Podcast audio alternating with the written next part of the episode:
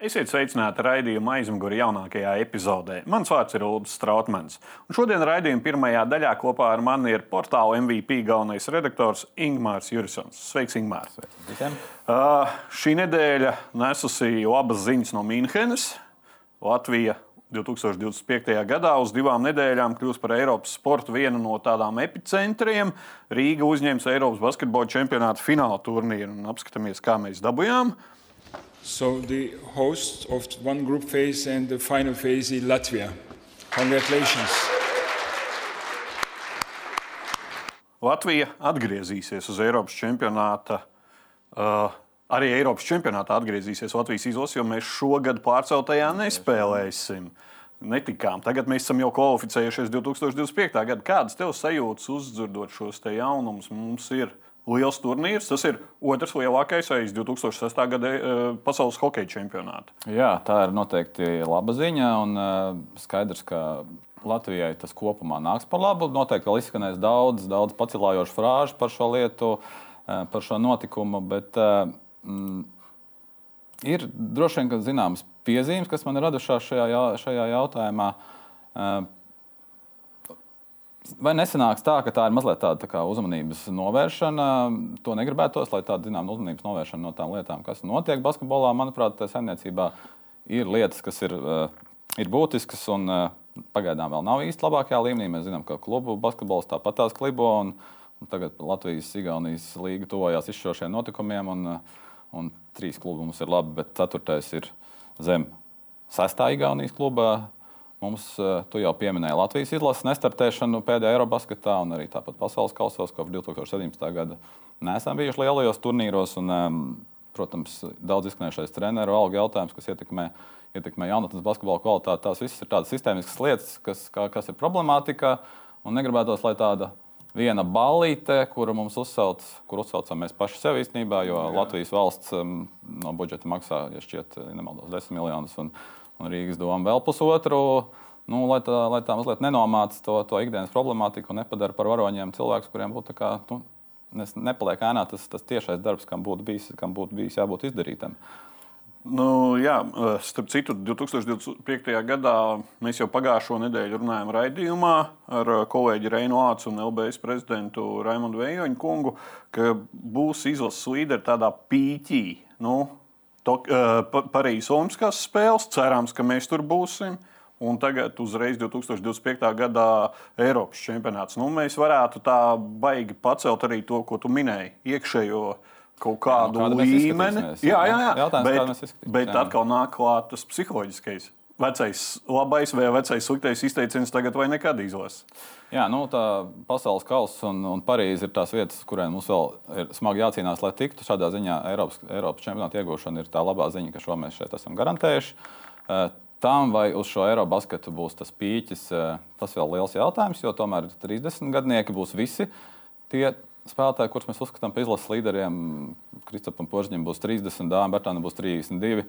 Eh, Dairim un, un Jānis Telniekam būs, ja nemaldos, jau 36. Vai tas ir pats labākais eh, spēlētāju vecums? Eh, dažiem ir, lieliem vairumam nav. Nu, to redzēsim. Es teiktu, ka mums būtu jātiek uz pasaules kausa, un tur būtu varbūt tāds īstais pīķa vecums. Bet tagad vai nekad, 25. gads, nu, tā ir tā droši vien siena, pie kuras nu, būs piespiesta mugura. Paklausīsimies, ko kolēģis Reinis Vārts runāja raidījumā pirms nedēļas raidījumā aizmugurē. 2025. gadā būtu patīkami spēlēt mājās. Es domāju, to var vairākiem no kaut vai NBA puišiem, vai kur bijuši tur, vai kur tagad spēlē. Tur, to viņiem var pārdot kā ideju. Varbūt tu netiksi kaut kādā citā brīdī, bet 2025. gadā savā mājās, nu, tas tomēr, es domāju, viņiem raisa pozitīvas emocijas. Uh, piekritīsi, ka mēs ne tikai savējiem NBA ceļiem varam to notirgot, bet arī citām izlasēm, īpaši Lietuvai.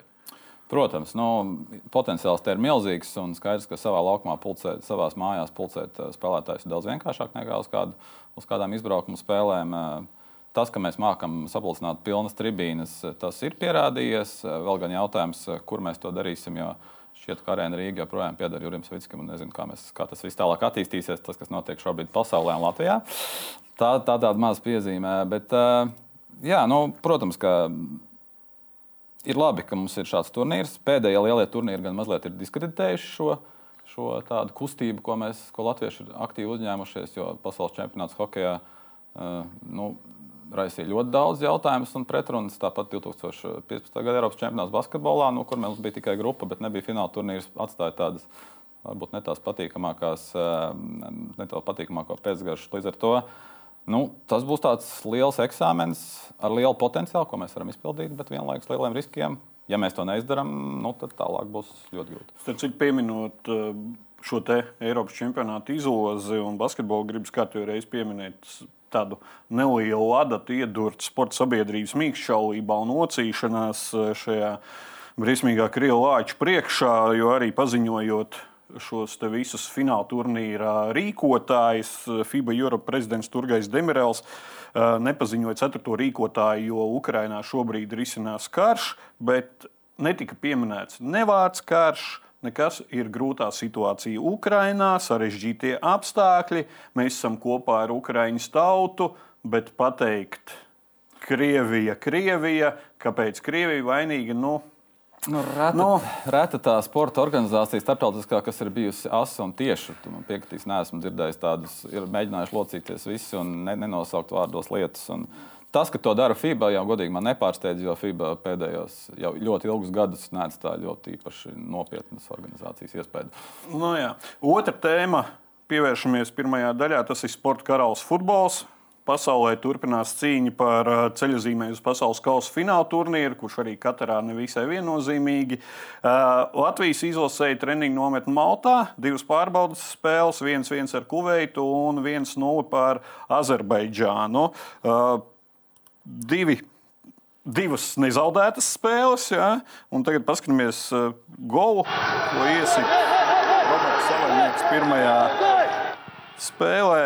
Nu, stabilākā aizmugure, kāda ir bijusi. Nu, veiksma arī jānopelna. Protams, uh, droši vien, ka mums, mums arī ir iestuši tādus vārdus. Tā kā, kāpēc mēs neizmantojam šādas iespējas arī tad, kad tāds mums tiek dots? Bet eh, kā tev pašam liekas, šis cikla sākums, nu ne jau nu beigie Grandi Kuveita un Azerbaidžāna? Uh, nu, cik jau... optimistiski mēs varam skatīties tālāk uz Eiropas zemāko nāciju līgu? Nu, ne jau arī beigais Grāns Latvija, nu, ja tā ja turpinām tavu teikumu. Uh, līdz ar to es droši vien netēlošu, ka es sākšu analizēt futbola, futbola kvalitātes un, un iespējamās, iespējamās turnīra iznākumus. Tas, ko es kā nu, futbolā teikšu, vairāk vai mazāk līdzjutējis redzu no malas, ka komanda pēc tā diezgan sākotnēji smagnējā izskata pēc treneru nomaiņas un, un kārtēm runām par to, ka mēs kārtējas atkal mainīsim treneri. Nu, nu, šobrīd vismaz tie rezultāti ir eh, adekvāti tajā līmenī, kurā mēs esam. Tas, jau, tas ir tā, tas ir pamats, uz kura var kāpt tālāk un jau kaut kā būvēt to attīstību. Līdz ar to Nu. Runājot par bū attīstības būvēšanu, neilgi pirms šīs treniņa nometnes Futbola federācija paziņoja, es uzskatu, negaidīt par līgumu pagarināšanu ar Dainu Kazakēviču. Viņam teorētiski pēdējais gads, vai tu izpildi uzdevumu vai nē, bet tagad pēkšņi paziņo. Nevis iepriekšējā cikla noslēgumā, bet tagad pirms jaunā cikla. Nu, man tā divējādi šis atkal lika aizdomāties par kaut kādām kabineta spēlītēm. Jo, nu, ja tagad viņš šogad atkal nav nekādi panākumi, viņam līgums joprojām ir garantēts.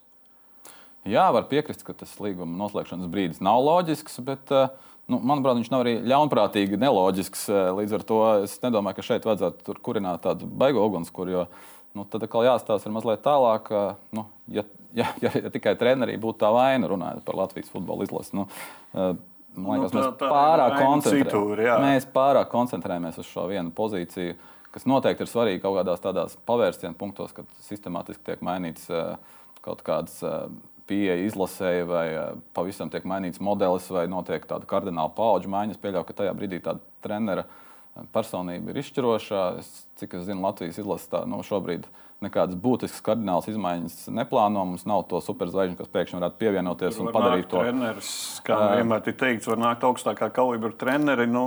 Nu, tā mazliet tēlēni izsakoties. Nu, Ja tas putekļs ir saskābis, tad tu vari nomainīt to ķirsīt, cik tu gribi, bet tas deserts tāpat nav garšīgs. Nu, lai, lai ir tas ķirsīs, kas mums ir. Nu, cerēsim, cerēsim, ka attaisnos cerības un no Latvijas pakāpsies no UEFA nāciju D līnijas augstāk. Ingūna, Paldies par dalību raidījuma pirmajā daļā. Un raidījuma otrajā daļā pie manis studijā viesosies divas bijušās olimpietes, un mēs diskutēsim par Ukraiņu kara bēgļu bērnu sporta iespējām Latvijā.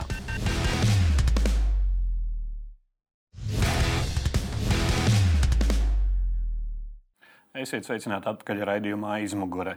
Turpinājumā šodien mēs plašāk runāsim par Ukraiņu kara bēgļu sporta iespējām Latvijā.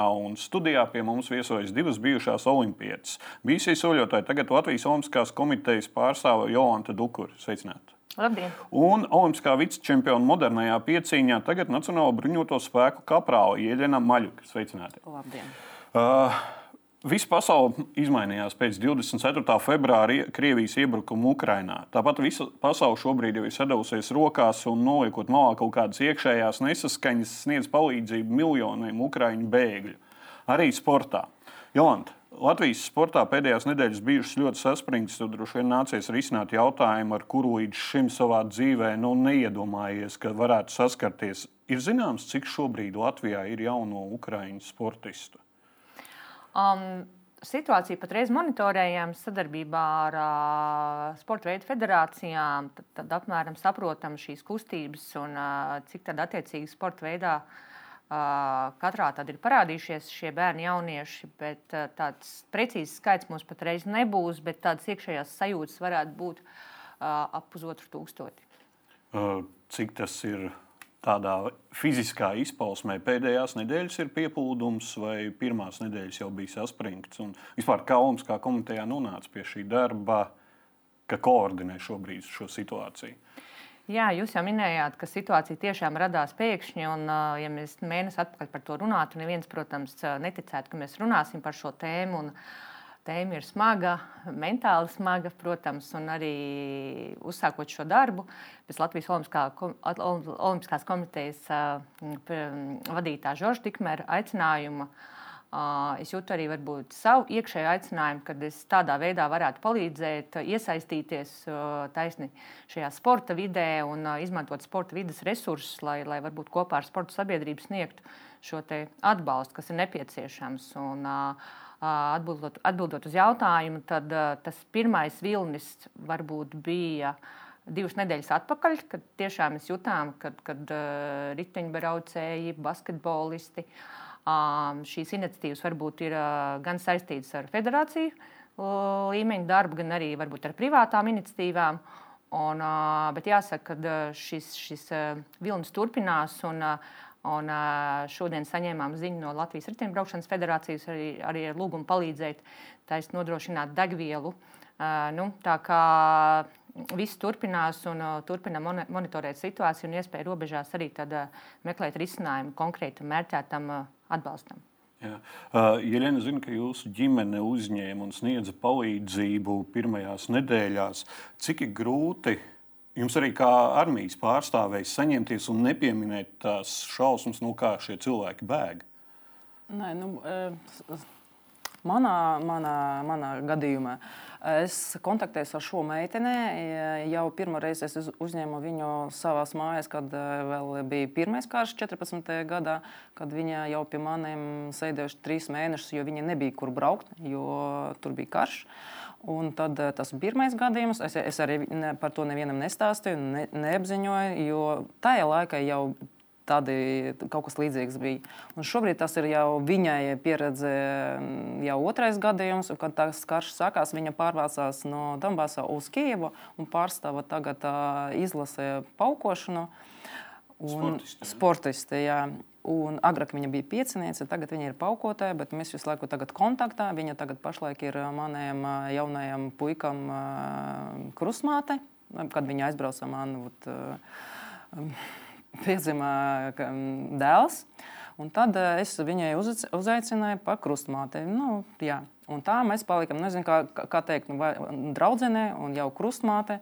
Un kad sākas tas karš, kad viņi jau, jau sen jau dzīvo uzreiz uh, Kijavā, jo viņi gribēja turpināt savu sportisku karjeru. Uh, pārācās uz Kijevu. Un tagad uh, sākās karš, un viņa man visu laiku bija iemas uz telefonu. Es gāju uz darbu, Un visu laiku Vācijā mēs sazinājāmies, kāda ir situācija, kā viņi jutās, vai viņi ir ko ēst, Un visu laiku es viņai beigās teicu, tu atceries ceļu uz, uz, uz otro māju. Un viņa teica, nē, nē, nē, viss ir kārtībā. Viss teica, ka Kijavā ir visdrošākā vieta. Un uh, beigās, kaut kur otrajā vai trešajā nedēļā, viņa saka, man jau laikam tā galva nu, jau kaut kur griežās ne uz to pareizo virzienu. Psiholoģiski ļoti grūti, jo apkārt ir liķi un uh, jau apniekā skraidēt no 8. stāva uz apakšējo pagrabu. Viņa sāk bombardēt tad, kad sākās tie nu, miega laiki. Tie, nu, tie padziļināti tie 3, 2 vai 4. Un tad viņi saka, man jau apnika. Un uh, viņa teica, ka, nu, nē, nē, nē, vēl pasēdēšu. Un kaut kur uh, pusdienas laikā zvana, mēs izbraucam. Es saku, nu, lai jums Dievs dod. Un tad viņi uh, savu mammu ar diviem suņiem uz manai pusi nu, virzienā ja, do, uh, dodas caur Ļuvovu. Bet es uzreiz viņu brīdināju, jo man ir mājās ir divi kaķi, divi deveni reksi un divi suņi. Un viens eh, jaunākais puika, kuram ir astoņi gadi, un saka, Nastja, es suņus nesevišķi. Mēs, kā, nu, mēs tur joki visādi tur sākam runāt par šašliku un par vispārējo, bet es saku, nu, kā, kā sanāks, tā sanāks, bet brauciet. Tad viņi atbraukuši, viņas trīs dienas eh, ceļojumā bijuši un uh, atbraukuši nu, caurspīdīgi. Gan mamma, gan viņa, gan suņi. Uh, Vot, tā viņa pavadīja manās mājās trīs nedēļas. Arī grūti, ziniet, kā, nu, kad ir kaimiņi vai rādīja, nu, cik mēs varam viņus pat, nu, noturēties ar viņiem kopā, nodzīvot tajā platumā. Nu, trīs, četras dienas, nu, ja es esmu prātīgi, tad piecas dienas. Un te trīs nedēļas, jā, ok, bet viņa, es viņai visi opcijas piedāvāju, kas no mums no Latvijas puses ir iespējams, lai trenēties, Nezināju, kā Olimpiskā komiteja strādā pie tā. Jo es negribēju vērsties, jo es zinu, kad tu vērsies uh, savas, kanālus, ja? savas kanālās, sa, savā, savā jomā, tur visu laiku. Ja, tāpēc nu, nebija tādas, es domāju, nu, beztolku tas ir zvanīšanas, sarakstīšanas. Mēs aizgājām uz, uz to vietu, kur pieņem Ukraiņus. Tur ir pārpildīts pleca pie pleca 20 centimetri. Nu, ko mēs iz, izdarījām? Mēs tikai izdarījām čipošanu tiem suņiem uzreiz. Latvijā baigi priekšā visiem tiem noteikumiem. Viņam bija pasi izdoti, čipi bija ielikti, visas potes. Pat ja ir Ukraina uztaisītas, viņas bija, bet uh, atkārto, viņa parādīja pases, ka bija uztaisīta, bet mūsu teica, ka mūsu Eiropas Savienība ir sava tie uh, potes kriteriji kaut kādam tiem ampulam. Uh, Tad viņi bija uztaisījuši, un tad es viņai piedāvāju, izrakstīju no interneta un piezvanīju visiem saviem draugiem. Spānija tik un tik, tādas ir iespējas tur a, palikt, tur un tur, Latvija tur un tur, Lietuva tur un tur, Igaunija tik un tur. Un viņa aizbrauca uz Tbilisiju. Mama ir no turienes, tēvs ir Ukrāņš. Ja? Tad viņi aizbraukuši uz turieni. Nu, es izelpoju. Nu, tiešām grūti. G nu, vēl mamma, ja, kur es pirmo reizi redzēju. Divi suņi. Nu, katru dienu bija gan. Um, veikals, gan visu izdarīt, gan nu, visu, visu. Nu, bet, jā, uh, viņi, viņi, viņi, kā, viņi, viņi ir viesi. Ja? Uh, es nevarēju viņam piespiedā kārtā teikt, kā, nu, dariet to un to. Un to. Tieši tā. Tieši tā. Un tāpēc jā, tas ir uh, pārbaude tāda kārtīga. uh, Paskatīsimies uz ekrānu. Es minēju jau vairākās intervijās, bija viņa dusmas par, par mums, ka mēs nespējam koordinēt, palīdzēt. Tas ir tas, kas man visvairāk kā, kā Latvijas tādu atvaļināto teiksim, virsnieku Viņš nomāca. Uh, Raivs Šats pirms pāris nedēļām viesojās un uh, sūkstījās par šo te, ka nav koordinācija. Kā bija sportā sākumā un kā ir šobrīd tā situācija ar tieši koordinēšanā? Mm -hmm. Jā, jāsaka, ka uh, sporta sabiedrība kopumā ir vienota, vienota domā, ka ir nepieciešams palīdzēt. Un, uh, bet tāds skaidrs rāmis, mehānisms un teiksim, noteikumi un kārtība patreiz nav izstrādāta. Un, tad katrs var būt iesaistās tajā līmenī, kā viņš redz šīs situācijas risinājumu. Vai, vai tas ir vadības līmenī, vai tas ir atkal sporta veidu federācijas līmenī, treneru līmenī, bērnu vecāku līmenī, sporta klubu. Katrā ziņā vienot viss ir tajā, ka ir nepieciešams palīdzēt, bet tad, tad, tad tas izpaužās tajā, ka katrs sniedz to, ko viņš var un kā viņš atzīst par labu esam. Ja? Tad nu, patreiz esam tajā, kas noteikti arī nav slikti. Uh, kad sporta, sporta sabiedrība ir gatava teikt, iesaistīties un risināt situācijas. Nu, situācijas, protams, ir dažādas. Primārais, protams, ir jārisina par, par šo bērnu jauniešu uzturēšanos, kas noteikti ir sad, sadarbībā ar vietējām pašvaldībām un šo reģistrēšanos izglītības sistēmā, un pēc tam jau vieta interešu izglītība, kas vairāk attiecās uz sportu. Un, Tas, tas pirmais, protams, ir eh, šis sadzīviskais, un tad jau nākamais solis ir inventārs, kas attiecās uz sporta vidi. Ja, tad uh, ir, ir, ir, ir situācijas, kad vecāku biedrības ziedo inventāru, palīdz Ukrāņu jaunajiem sportistiem. Savukārt, tad atkal no, no šī pedagoģa puses netiek prasīta samaksa par to, ka bērns jaunietis trenējās un iekļaujās treniņu grupās. Uh, Un, tā teikt, nu, visi visu zina un iet uz priekšu. Un, šiem ukrāņu sportistiem ir iespēja darboties, integrēties un nu, progresēt tajā, ko viņš ir teiksim, dabūjis un, un, un darbojies līdz šim Ukrajinā. Ja? Tad, tad, tā ir tāda laba pēctecība, ko sporta sabiedrība grib nodrošināt. Ja? Kādi mums ir arī treneri šeit atbraukuši? Es esmu lasījis, jā, ir basketbola treneri jau ar savām grupām, bet cik, cik kopumā ir šie speciālisti? Kā jau iepriekš minēju, patreiz viss ir mainīgs un mēs lēnām monitorējam situāciju. Zinu, ka ir kanojai treneris atbraucis kopā ar savu treniņu grupu. Zinu, ka ir basketbola treneri, nemaldos Valmjerā, arī citās Latvijas pilsētās, kas nāk iekšā sadarbībā ar Vagātsku ģimeni. Tāpat ir riteņbraukšanas grupa, kas ir Mūrjāņas sporta gimnāzijā jau ar treneri. Uh, Tā kā nu, ir, ir kas atbrauc tikai uh, kā treniņu grupa, un ir kas jau atbrauc ar savu speciālistu, kas varbūt arī atrasīs šo jautājumu, ka ir jābūt šiem bērniem, jauniešiem arī pārstāvim. Tad, nu, tad viens, viens pārstāvs uz sešiem jauniešiem, tad bieži vien arī treneris var būt kā pārstāvs šeit uz vietas. Nu. Kā, kā finansējumu risinās šiem treneriem? Uh caur Olimpisko komiteju, caur izglītības ministriju? Kāda jums ir saskara ar to? E, kā teicu, patreiz e, tādi priekšraksti un noteikumi vēl, vēl neeksistē, bet e, tā situācija ir tāda, ka runāju taisni pirms raidījuma ar Valmijas bērnu sporta skolas vadītāju tad uh, situācija ir tāda, ka papildus samaksa treneriem uh, netiek uh, veikta par to, ka viņa grupā nāk Ukraiņas sportists iekšā darboties, kā arī sportistam netiek prasīta samaksa par to, ka viņš nāk un darbojās. Tā teikt, nu, uh, treneris to veids patreiz tādā uh, saprotamības kārtā, un visi situāciju saprot un ir gatavi iesaistīties. Un, uh, varbūt šoreiz arī nav tas, ka šie sportisti patreiz nav simtos. Tas, tas, nu, 5, 10 cilvēki iesaistās grupā, kas bieži vien ir pat ir varbūt arī progress tam Latvijas jaunietiem kopā sadarboties un iet uz priekšu. Un varbūt meistarības līmeņi arī pavelk šādā ziņā uz priekšu. Tad, nu, tā kā skatāmies, jā. Uh, Irēni, jūs esat uh, fiziskās sagatavotības instruktore. Vai Nacionālais bruņotos spēkos arī kaut kā saskaraties ar šo bēgļu un tieši fizisko sagatavotību? Jums ir kaut kāda aicinājuma, ka jūs varētu iesaistīties ar savu pieredzi? Nu, pašlaik nebija, jo man ir citi uzdevumi. Man no tiešie priekšnieka ir peldēšanās apmācība, Pelbasēna MBS. Vēl citi uzdevumi daudz, un par to situāciju, kas ir ārpus, tas ir citas vienības risināt. Tagad mēs nevaram uzņemt viņus tieši iekšēji, jo mēs, es, mēs varam tikai palīdzēt. Mēs meklējam naudu, mēs ziedojam, mēs uh, sūtām krāvas ar jaunajiem inventāriem uz to pusi. Bet vai tiem, es nezinu, kur tā krāva iet, vai viņa iet tieši kaut kur. Bet nevar arī atrast to punktu. Arī. Katrai ģimenei to nepiegādās. Ja? Tad vajag caur federāciju. Bet pēdējā krāva, ko mēs aizsūtījām, cik es saprotu, uz Ukraiņas pusi.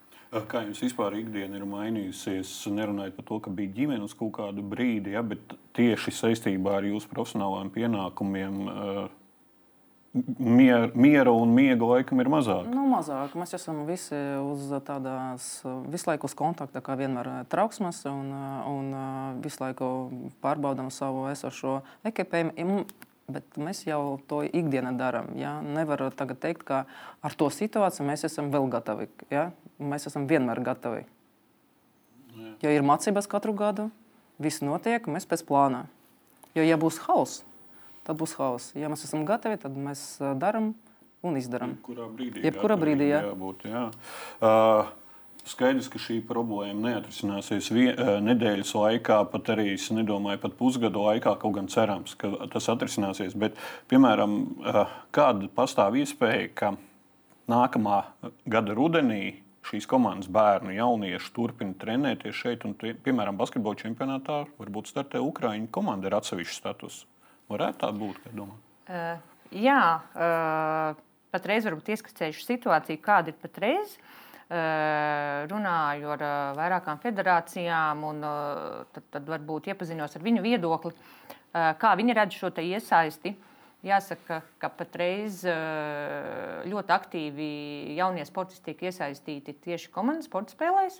Tas ir hokejs, kur, kur jau bērni jaunieši spēlē konkrēto vecumu grupu ietvaros jau Latvijas čempionātā. Uh, skatāmies U12, U14, ir, viņi ir veiksmīgi iesaistījušies, integrējušies. Un, un, šeiksim, Jā, diezgan ātri pa, nu, sanāca šis process. Sporta vide, Dievam. sporta vide ir aktīva. Redzam, varbūt bieži vien nav vajadzīga valoda, ir vajadzīga šī darbošanās un hokeja laukums vai, vai basketbola laukums. Visā pasaulē ir basketbola laukums un hokeja laukums. Un, ja mēs zinām šos noteikumus, tad bieži vien uh, sports ir kā saistīts elements un kā teiksim, labs noteikums šo bērnu jauniešu integrācijai. Un, tad tad skatāmies arī tālāk.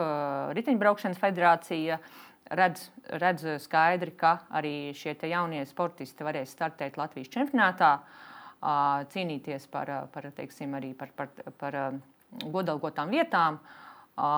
Tas pats Kanoja federācija redz skaidri, ka ir iespēja iesaistīties un tā teikt, ja jau viņi trenējās, tad ir iespēja arī startēt sacensībās. Tā kā šis ir vairāk katras sporta veidu federācijas kompetence un kā viņi to redz, vai tā ir komanda. Vai tā, tas ir individuālais sporta veids, tad kop, kopējais viedoklis ir, ka būs, būs iespēja un bērni jaunieši varēs darboties. Otrs jautājums, vai viņa būs šeit pēc uh, pusgada, gada. Es, es protams, es domāju, ka mēs neviens nevaram atbildēt, kā, kā tas būs un vai, vai tas būs. Un, bet tā, tāds kopējais. Uh, kopējā sajūta ar šiem jauniem sportistiem, mazliet arī komunicējot, tomēr ir viņiem doma, ka viņi ir nometnē, Varbūt arī šī ir tā lieta, Tādā kas, jā, nometnē. kas viņiem mentāli vieglāk, tā teikt, viņi mentāli vieglāk visu to situāciju var uztvert, jo sports ir aktīva vide, ir pierasts braukt uz nometnēm, uz sacensībām, būt prom. Tā kā varbūt patreiz tas, tas, tas pirmais vēl nav tik ļoti uh, sāpīgs. Un, uh, jā, patreiz, patreiz viss ir nometnē. Uh, ilgstošā nometnē. Tāds, tāds, pat, tāds patreiz tās sajūtas ir. Jā. Vienu jautājumu es vēl gribēju uzdot saistībā ar amatu Latvijas Olimpiskajā komitejā, ētikas komisijā. Uz ekrāna apskatīsimies Sandrs Rieksniņš, kurš ir izglītības ministrijas pārstāvs arī saimā val, e, citēju: Valstī nelojāli cilvēki nedrīkst ieņemt amatus Latvijas sporta organizācijās, kuras saņem valsts finansējumu. Aicinu Latvijas Olimpisko komiteju un Sporta federācijas nekavēties un teikt saviem biedriem, ka vairs netolerēsim valstī nelojālus izgājienus. Tas ir saistībā ar šo likumu, kurš tiek virzīts ar neusticamiem personāžiem, liekt vadīt uh, federācijas. Kāds ir jūsu uzskats un vai mēs kā varētu pārbaudīt, uzticams, neusticams? Es eh, domāju, ka Latvijas Olimpiskās komitejas vadība ir skaidri pateikusi savu nostāju šajā jautājumā. Un, eh, un, mm, tam visam ir, ko mēs šeit lasījām, eh, ir atbalsts. Un, un, teiksim, par šo jūsu jautājumu. Nu, mēs skatīsimies uz priekšu un vērtēsim konkrēto situāciju un attiecīgi reaģēsim. Un, nu, tad, tad, tad tas process arī sāksies. Jā. Uh, nevar nepaprasīt, ja ir jūsu viedokli par vienu citu jautājumu. Tas ir mans subjektīvais viedoklis, ka ne tikai Latvijā, bet arī visā pasaulē sportisti, nu, sportisti vienmēr ir bijuši augi un savu valsts zinām vēstneši. Uh, Bet tomēr šobrīd ir ļoti piezemēti Krievijas agresijas nosodīšanā, un brīžiem tas sajūta ir. Nu, Bailes iespējams par savu sportisko karjeru, ka tikai kaut ko nepasaku sliktu, man tas atspēlēsies vēlāk, varbūt tās. Jūs nekad neesat baidījusies kritizēt eh, ne kā sportiste, ne jau pēc sev. sporta Gan gaitām. Jā. Eh, kāpēc šobrīd pasaules un arī Latvijas sporta zvaigznes vairāk izvēlās klusēt? Kāpēc jūs tā domājat? Tāpēc, ka priekšstats par to Ukrainu ir eh, dažāds. Par uh, Krieviju ir dažāds. Jo katra valsts ir tie sliktākās personas, tā katra valsts ir tie zvaigznās, kuri elke, kā jūs sakāt, pēc kā gribas gan trenēties, gan savu dzīvību atdot. Tāpēc ir tāds bišķiņš vienam ir prioritāte, viņš vairāk satiek Ukrainas puses sliktākos cilvēkus, Otram ir vairāk labos cilvēkus. Tad viņš to savu choice nevar izvēlēties, pa kuru labo pusi. Mēs tagad, man gribas sirdī. Man galvenais, lai man Latvija būtu visokie, es karošu pa savu dzimtenē. Mans priekšstats, ja? es pret karu, pret Putinu, bet, bet tā un tā sirdē man ir Latvija. Es domāju, ka tiem Ukraiņiem, piedodiet, Viņam arī tas pats pagaidām sirdī. Ukraina priekš visiem, pie tiem sportistiem. Tas ir viss. Tas ir viņu dzimtene, kuru viņi negrib pamest. Un tad tā agresivitāte ir pret uh, Krieviju pavērsta, cik es saprotu. Ja? Nu, tad uh, jā, vajag, vajag izšķirt, par, uz kuru pusi, par kuru pusi tu, tu vairāk esi. Sirdi var dot tikai vienam. Jā.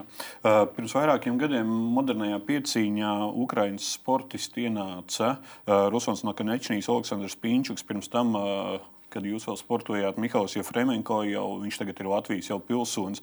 Kā jūs domājat, Ukraiņu piecīnieki varētu atkal ienākt iekšā Latvijas pieciņā, kur mums šobrīd ir tāda krīze, zinām? Uh, Moderna pieciņā vispār ir sarežģīts sporta veids. Visi tie piecinieki, gandrīz visa vecuma, izņemot junioru laikam vecumu, viņi visi ir arminieki.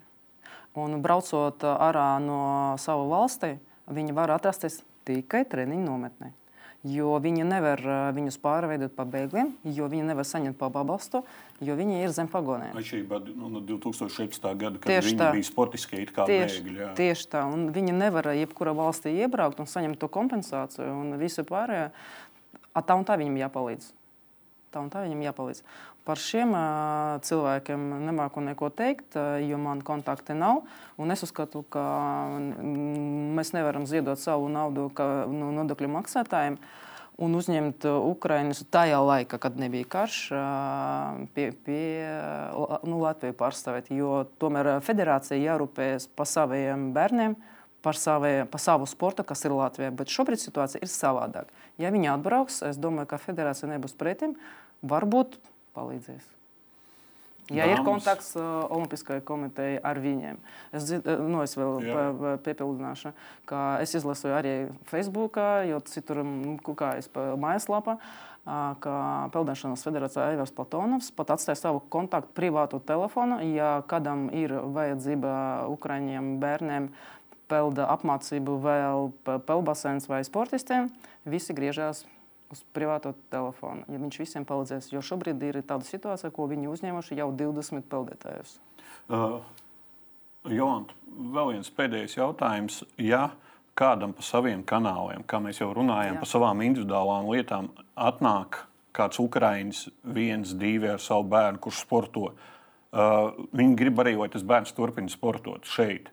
Viņiem vērsties Olimpiskā komitejā pie jums Mēs noteikti esam gatavi reaģēt uz konkrētu nepieciešamību. Tas, tas, tas ir tas pats galvenais, kad mēs nesakām, ka mēs varam palīdzēt visiem. Un, Visādi, bet, bet jūs novirzīsiet, teiksiet, tālāk, jā, jūs zināsiet, pie kā vērsties. Ja ir konkrēta vajadzība, mēs konkrēti arī reaģējam. Nu, nezinu, var pāris piemērus pateikt, konkrēti vēsās pie mums basketbola meitene. Viņai bija nepieciešama operācija. Viņa bija atbraukusi ar krustveida sāļu plīsumu uz Latviju un konkrēti saņēmām teiksim, rosinājumu palīdzēt. Tad, tad nākamais piemērs nu, var būt vingrotāji. Vingrotājai bija grūtības iesaistīties taisnība treniņu darbā, bija pārlieku liela šī emocionalitāte un nu, bija, bija varbūt asars par daudz. Tad skaidrs, ka vajadzēja uzreiz arī psiholoģisku palīdzību meklēt. Nu, tad mēs, mēs reaģējām. Nu, varbūt atbrauc uh, viena treniņa grupa bez, bez inventāra. Nu, mēs mēģinām atkal risināt to tādā veidā, tas ir vairāk vajadzību apzināšana un koordinēšana.